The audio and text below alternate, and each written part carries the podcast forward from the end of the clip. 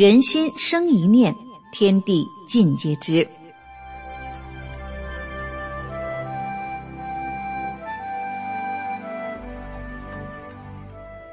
听众朋友您好，欢迎收听明慧广播《善恶一念间》节目。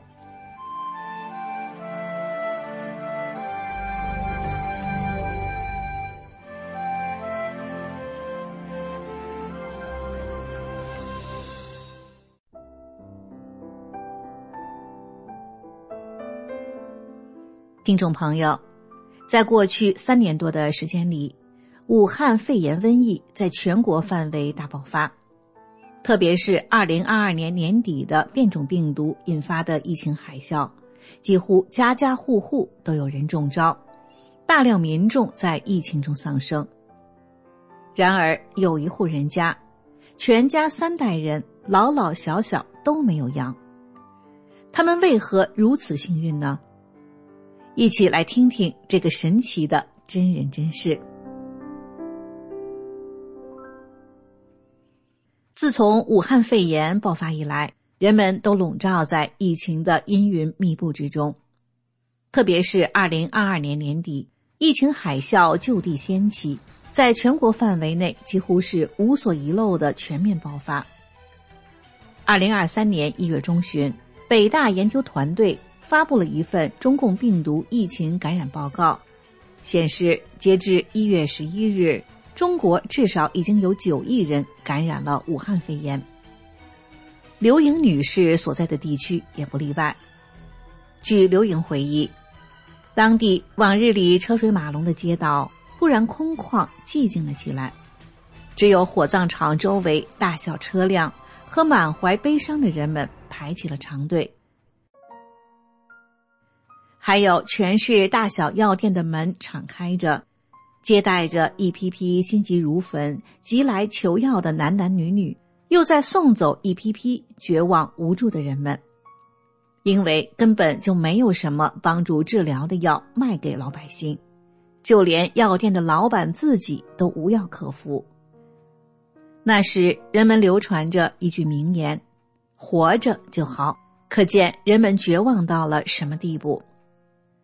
就在那个人们一筹莫展、惶惶不可终日的日子里，刘莹的家人也一样笼罩在恐怖与愁云当中。他们担心这种灾难不知哪一天会落在自己头上。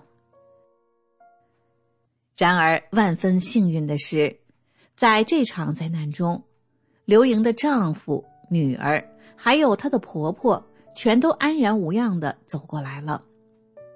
刘莹庆幸道：“正是因为自己是一名修炼了二十多年的法轮大法弟子，他们全家有大法保护，才在瘟疫中幸免于难。”刘莹的老伴张强今年六十六岁，他没有修炼法轮大法，而且张强在八年前得过脑血栓，还有肺气肿、肺大泡等多种疾病。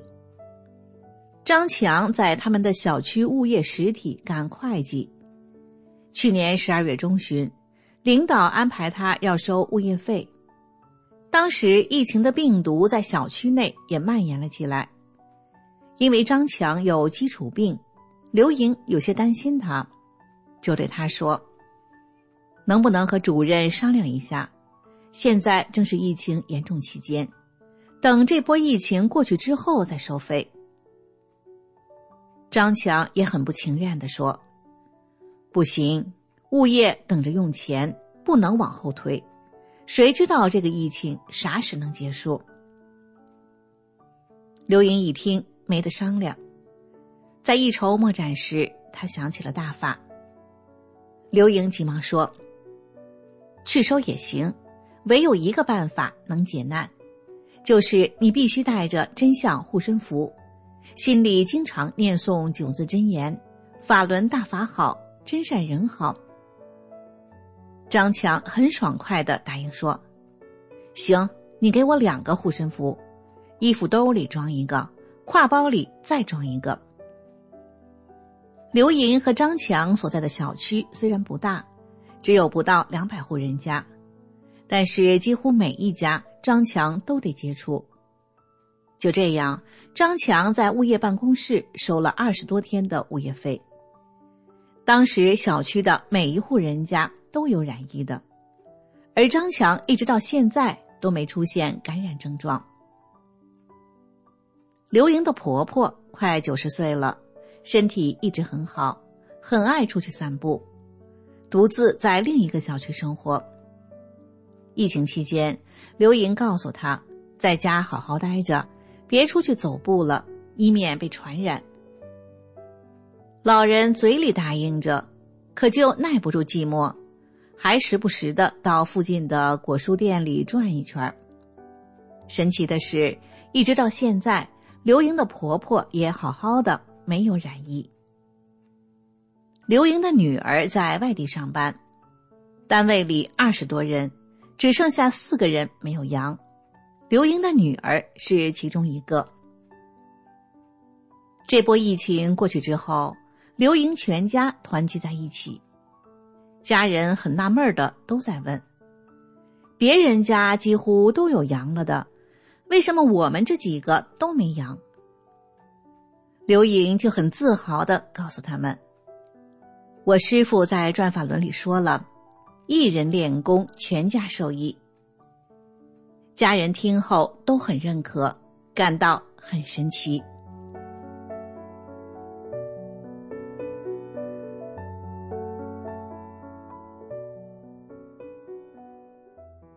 听众朋友。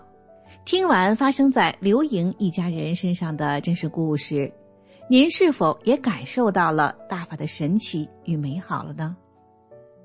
真心希望您也能牢记九字真言：法轮大法好，真善人好。